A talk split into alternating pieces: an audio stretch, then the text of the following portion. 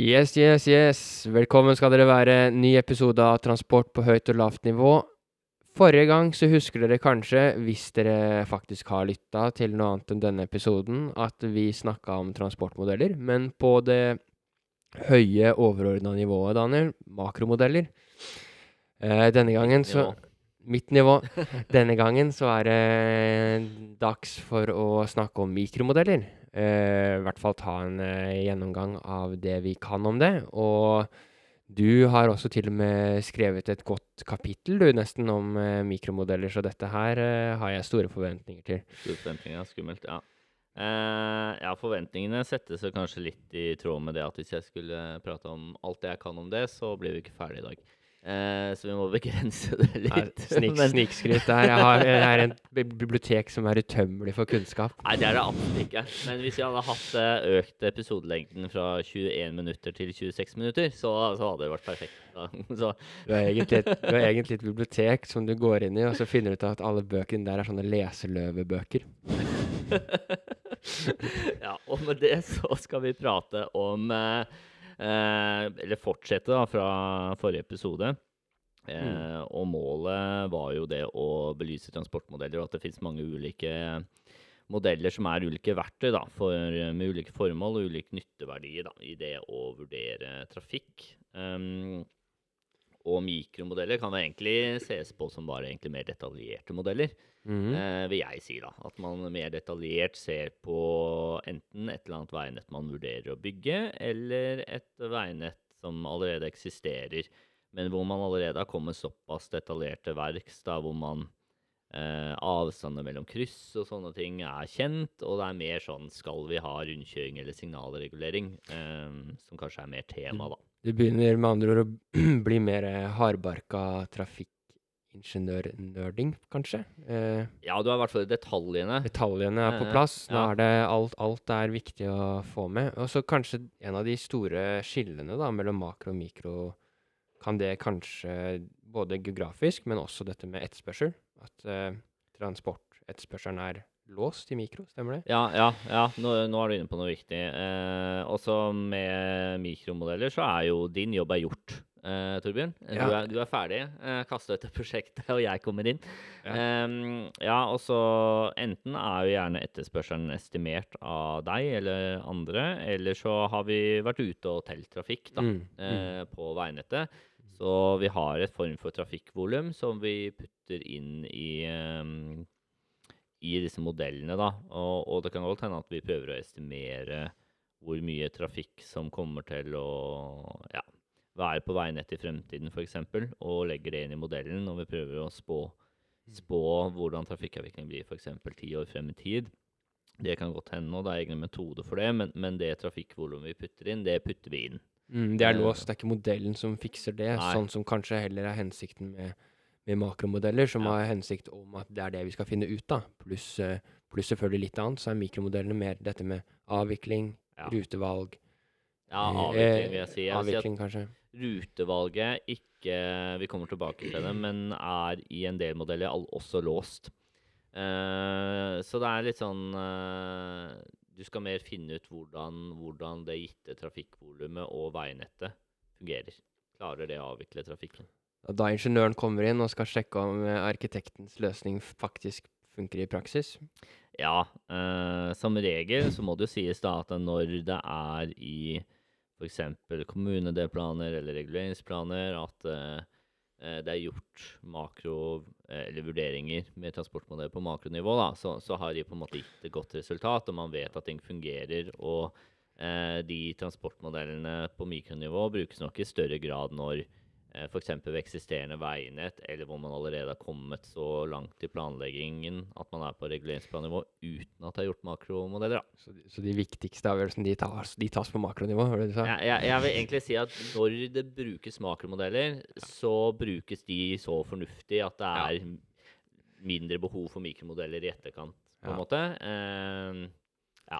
Og at mikromodeller mer brukes eh, når man har sett at man skal detaljere mer i senere planfase. Da. Så Ja. jeg, jeg tror, tror det er ganske mange prosjekter vi kan si at de bruker enten-eller, og ikke begge typer modeller. Det tror jeg man kan si. Ja. Ja, absolutt. Eh, For det er klart at hvis man skal bygge et motorveiprosjekt som du har regna på, f.eks., så klarer jo du å komme fram til at uh, planskilte kryss er bra eh, for å avvikle trafikken, f.eks., og at man må ha fire felt og ikke to. Ja, det er jo akkurat det som er ehm, Ja, men det kan også være det som er selvfølgelig da litt av utfordringa med, med RTM òg, at den er ikke så god til å ta høyde for kapasitetsutfordringer eh, på landeveisprosjekter. Eller landevei så er det jo sjelden kapasitetsproblemer, da, men eh, det er alltid fint å ha, ha noen, eh, noen mikromodeller som klarer å regne på dette her i bedre grad, da Mm. enn makro. Men selvfølgelig, det tas jo, tas jo litt, eh, litt høyde for, da. Ja. Men eh, det skal alltid oftest Du skal liksom ikke ikke makromodellens resultater du skal basere beslutninga på når det kommer til sånne spørsmål. da. Nei. Da bør du ha noe annet å gå etter. Så det er jeg helt enig med. De, de makromodellene er jo ja, for det overordna. Men det er jo viktig å si her da, at eh, det er jo mer enn modeller. Så det kommer jo gjerne en vurdering som vi trafikkingeniører gjør, som, hvor vi ikke bruker modeller. Som kanskje er det du er inne på nå, da, hvor man med en makromodell også gjøre en vurdering av det vi kan, da, eh, knytta til trafikkavvikling og behov for antall kjørefelt som ikke krever noen modeller for å gjøre, men krever den der utdanninga vi har, da. Ja. Men eh, ja, fordi noen ganger så kan man jo si at eh, Nå kan hende jeg sier noe av det samme som du sa, men eh, eh, Eller eh, det tror jeg kanskje ikke, men eh, det det er ikke sikkert det er så interessant. Men eh, det med makro, eller det med mikromodeller og ting faktisk lar seg gjøre, da, med kryss og at det ikke blir tilbakeblokkering på hovedveien og sånn. Eh, sånne ting er jo viktig å egentlig få kartlagt ganske tidlig, og hvis man låser seg til en løsning Mm. kanskje. Eh, men det jeg syns var litt interessant, og der er en liten avsporing, det er det at jeg spurte hvorfor i all verdens dager, uten at jeg kunne tenke så mye over det, eh, kommer skiltplanlegging inn på KVU-nivå Mm. i, i, um, i prosjekter? For det, det klarte jeg liksom ikke helt å få til å henge, henge på greip, da, at Mm. det skulle være avgjørende. Men da fikk jeg et svar av en god kollega, jeg tror ikke det var deg. Nei, jeg ikke spurte, meg. spurte om det med mitt, eh, mitt tomme bibliotek av et hue. Eh, og da sa han at eh, det handler jo selvfølgelig om at du enkelte typer skilt trenger ulike siktlinjer. Ja. Blant annet. Og plass i um, også snittet på Ja. veien nå, en ting. Og spesielt det med trafikkstyring for omkjøringsruter. Hvis man har tunneler og den type biten. Fordi det er gjerne krav om omkjøringsvei, og da må man enten planlegge f.eks. to tuber med kjørefeltsignaler og sånn, og omkjøring der.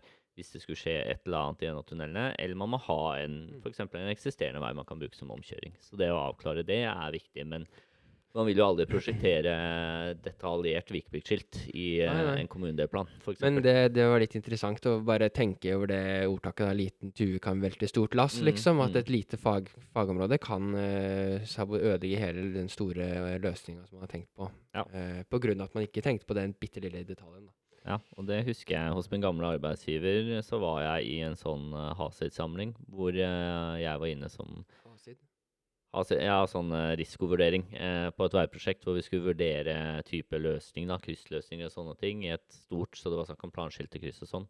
Og da var det en løsning som var så vanskelig å skilte at jeg sa at dette kan vi ikke gå for. Og da ble den skrinlagt, faktisk. Så, så det Ja. skjer, det. Ja, Absolutt. lærerikt for meg i hvert fall. Ja. Og det håper vi det er for eh, lytterne våre òg. og vi tenkte at eh, denne episoden så skal vi gå litt inn på ulike mikromodeller. Fordi det finnes en god del ulike oppbygninger. Ikke, ikke bare i Norge, men, men sånn i fagmiljøet generelt. Eh, men først så kjører vi reklamepause. Pling, pling. Åh, måtte du velte glasset igjen? Åh, nå er det en hektisk dag, altså. Jeg må få tid til å ta middagen, oppvasken, barnelegging og reguleringsplanen i løpet av bare denne kvelden. Dette her går ikke, altså. Er hverdagen en evig kabal hvor reguleringsplanen fort blir nedprioritert i hverdagen? Løsningen er Rambøll og Henning Larsen. Vi tilbyr reguleringsplaner for det du måtte ha behov for. Ta kontakt med oss for en uforpliktende prat. Rambøll, en samfunnsrådgiver for deg og dine. Pling, pling. Yes, og med episodens reklamepause over, så går vi da over til å diskutere litt ulike, hva skal man si, eh, typer da, av mikromodeller, hvor vi kan dele dem inn i det som kalles eh, enten regresjonsmodeller eller empiriske modeller, som er én type, eh, analytiske modeller og simuleringer. da. Kjør på. Kjør på. Nei, men forklar. Det er du, dette her er ditt Ditt, uh, ditt uh, barn. Det er mitt barn, ja. ja. Nei, dette her handler Inndelingen går egentlig på hva som er bakgrunnen for de ulike modellene. Hvordan de er bygd opp, teorien bak de. Hvor empiriske modeller er egentlig basert på det at man gikk ut i eksisterende kryss, egentlig primært rundkjøringer, uh, når det var køproblematikk. Gjorde veldig veldig mye målinger av trafikkavvikling og sånne ting eh, under, under eh, kø og terskelverdier. Eh, og så tok man og målte geometrisk utforming da, av de kryssene. Og så gjorde man en del regresjonsanalyser, eh, gjerne med flere variabler, og, og kom fram til formler da, som uttrykker trafikkavvikling eh, i forhold til den geometriske utformingen. da. Så eh, hvis jeg skal da nerde litt inn på regresjonsmodeller, så er da såkalte responsvariabelen kan være avviklinga, mens eh, forklaringsvariabelen er utforming etc. da. Ja, Ja. ja. akkurat. Men en parameter for avvikling brukes jo, da. Så, Ja. Som variabel. Eh, absolutt. Eh, og det mest kjente av disse her forkortes TRL. Eh, og står for noen sånn fancy engelske greier, sånn transport et eller annet. Og er Ja, noe, noe veldig, veldig faglig bra uttrykk der. Uh, og brukes veldig mye i, uh, i England, da. Eh, for det var der man gjorde, brukte det veldig mye. Det står for Transport Research Laboratory. Så ve veldig logisk navn. Det, og det bruker de mye i England. Ja, det Ja. bruker de veldig mye i England. Nei, det var i UK, eh, hvor de la I denne UK, ja, ikke England. UK, ja, jeg end- endrer det. UK er riktig. Ikke Great Britain, eller? Nei, UK. Okay. United Kingdom. Okay. Eh, så lagde de denne metoden for en god del tiår siden, og har utvikla den siden da, og brukt den. Um, og det man ser, er at den passer veldig, veldig godt for akkurat eh, når nye kryss man skal vurdere, da, passer med kryssa i datagrunnlaget. Da passer den veldig godt. Men for alle andre så gir resultatene ikke like god match, da. eh, og passer ikke like godt, da. Eh, så dette her er en type modell som er eh, egentlig veldig, veldig mye brukt i UK, og, og er liksom hovedmetoden der, men ikke så mye i andre land. Men øh, den, funk den funker jo ikke i utlandet, fordi de kjører på venstre side, gjør de ikke? jo, ikke Så det er jo, de prøvde prøvde å gjøre det på Carl Berner i Oslo, og så klikka det helt. Ja, Ja, ja. Det er, sånn er det, vet du. Nordmenn klarer ikke å skjønne de greiene der. og brukte, det. derfor det er litt sånn trøblete på Carl Berner, er det det? Det er bare derfor. Eller er det egentlig trøblete på Carl Berner? Det, Det er, det er Sinsenkrysset alle klager over i Oslo, da. ja, men alle, de, alle, alle, alle snakker om det Carl Berner-krysset fordi det er firkanta. Den rundkjøringa på Carl Berner. Eh, Ja, det er den òg, ja. Uten ja. at jeg er noe såpass oppegående på det her at jeg klarer å mene så mye om det er elendig eller ei. Jeg har fått mest klaging om Sinsenkuss, jeg. Så hvis du, kjære lytter, jobber i Statens vegvesen eller noen andre som har interesse av å få trafikkavvikling vurdert Ja. disse rundkjøringene, ta kontakt med oss. Men en ting da, det er jo det at det norske kryss som ikke funker, de er basert på den britiske modellen. Eh, og den funker ikke på norske forhold fordi de kjører på venstre side. Det verste, det verste er at du er inne på noe. det verste er det. Fordi vi brukte den metoden i Norge før. Eh, en eh, metode som var basert på den eh, metoden fra UK, men justert for litt norske forhold og litt input fra tyske modeller. Eh, så brukte vi, og så har vi gått bort fra den da, fordi den passa ikke så bra for norske forhold. da. Så det var den manuelle metoden som var i en håndbok fra Statens vegvesen, som de har fjerna fra publikasjonene sine. Så den utgis ikke lenger hos dem. Men den eh, lå ute. Så, og den er så gammel da, at den er skrevet med sånn der, eh, typewriter, sånn skrivemaskinopplegg. Så, Ja. Eh, men du er inne på noe der. Ja. Absolutt. Men er det derfor vi må gå videre til eh, en annen eh, type modelloppbygging? Sånn som du ja. um, Nå har vi gått gjennom regresjonsmodeller, og de da egentlig bare er ja, empiriske ved at de Mm. samler inn data og finner en sammenheng mellom observerte data og forklaringer til det. Mm. Og så nå går vi inn på analytiske.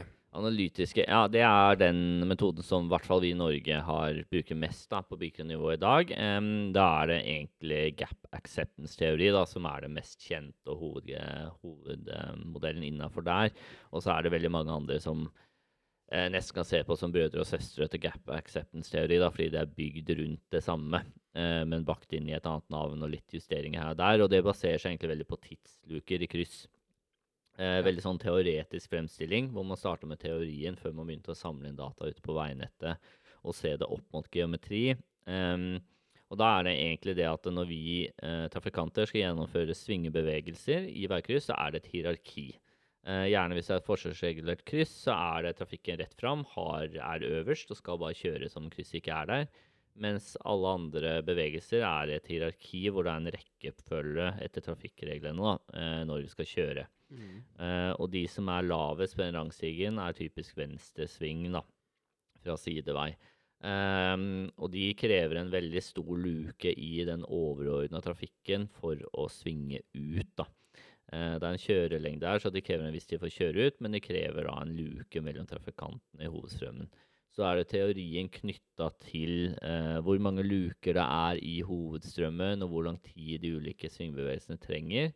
Så er det klart at hvis det f.eks. er veldig mye trafikkvolum av la oss si venstresvingtrafikk fra hovedvei til sidevei, som er sånn midt imellom i hierarkiet, så kan de ta alle tidslukene i hovedsvømmen, sånn at trafikken fra sideveien ikke kommer ut. da.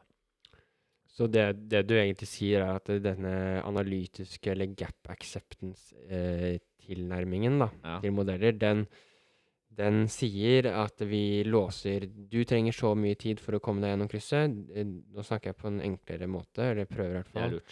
Eh, og du trenger så mye tid for at Mm. du skal ha det, og så setter man inn en eh, fast uh, turmatrise eller reiseetterspørsel fra en annen modell, og så ser man hvor blir det køoppbygging eller ikke, gitt disse forholdene Ja. disse akseptene. Men er det noe empiriske Har de gått noe mer i empirien på dette med disse acceptance-intervallene, holdt jeg på å Ja. si? For vel, de har vel ikke bare tatt det ut av løse lufta? Nei, nei.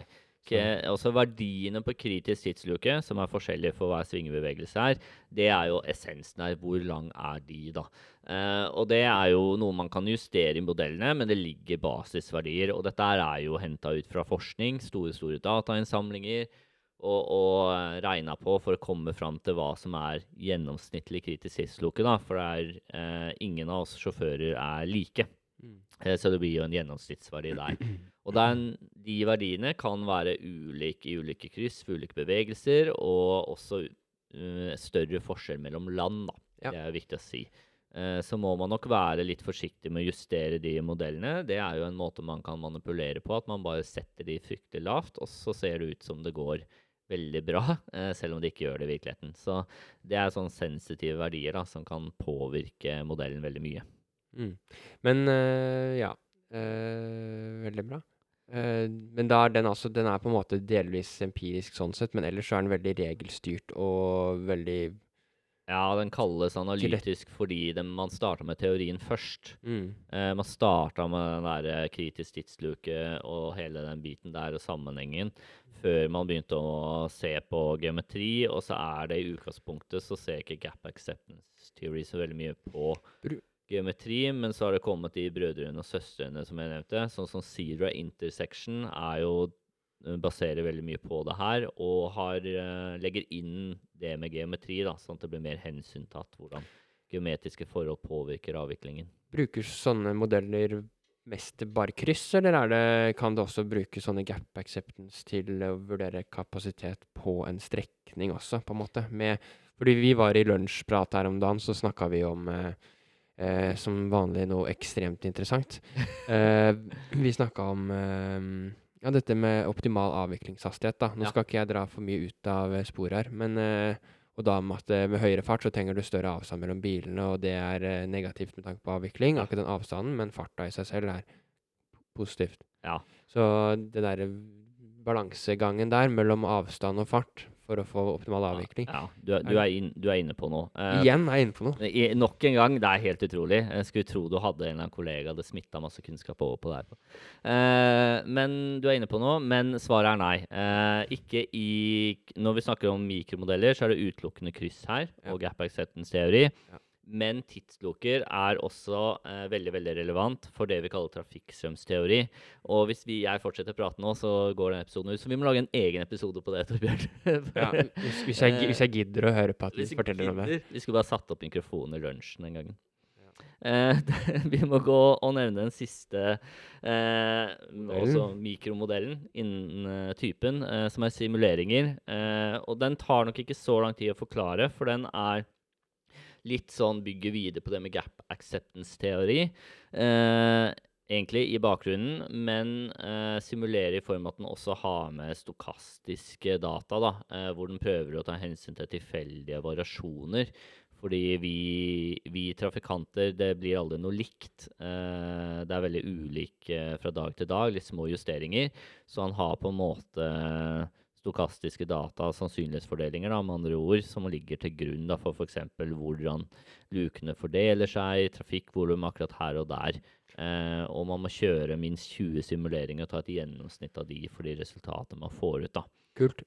Betyr det, eh, bare for inn, betyr det da at analytiske modeller er litt sånn som vi prøvde å snakke litt om i forrige episode? Det er en eh, deterministisk modell hvor, hvor reglene er helt låst, mens eh, simuleringer er litt basert og bygd opp på samme prinsipp, men du har den gap acceptancen kan variere innenfor et sannsynlighetsintervall da, Ja. for lokale forhold etc., som Mm. du kan definere, Mm, for å finne en spredning i hvordan det her kan faktisk gå. ja, Det er jo ikke én fasit, eller en modell er jo bare en, en Et resultat er jo bare ett punkt på himmelen, som, ja. som jeg har hørt av en vis mann. Eh, så det, det er simuleringer, da. Og totalt sett eh, så brukes mikromodeller veldig til å avgjøre om trafikkavviklingen det, det man har putta inn i modellen da, i form av infrastruktur, om det klarer å avvikles greit. Eh, og så kan man nevne at simulering, sånn som Aimsund, egner seg nok til et større geografisk område, mer enn f.eks. analytiske modeller. Jeg tror vi hadde på agendaen også litt dette med formål og inn- og ut-data, men jeg tror på en måte at eh, lytterne har i hvert fall forstått formålet med, med disse modellene. Uh, når det kommer til inn- og utdata, så er det jo da mye fra enten andre modeller eller eh, ting du detaljerer for infrastrukturen. Og så utdataen er eh, alt tenkelig Ja, det er egentlig eh, belastningsgrad og forsinkelse og kølengde. eh, Ja. Kort fortalt. Dette kan gi svar på det du lurer på da. Eh, og med det så takker vi for at du har lytta til episoden vår. Håper du fikk noe nyttig ut av det, og vi ønsker deg en flott dag videre. Ha det bra.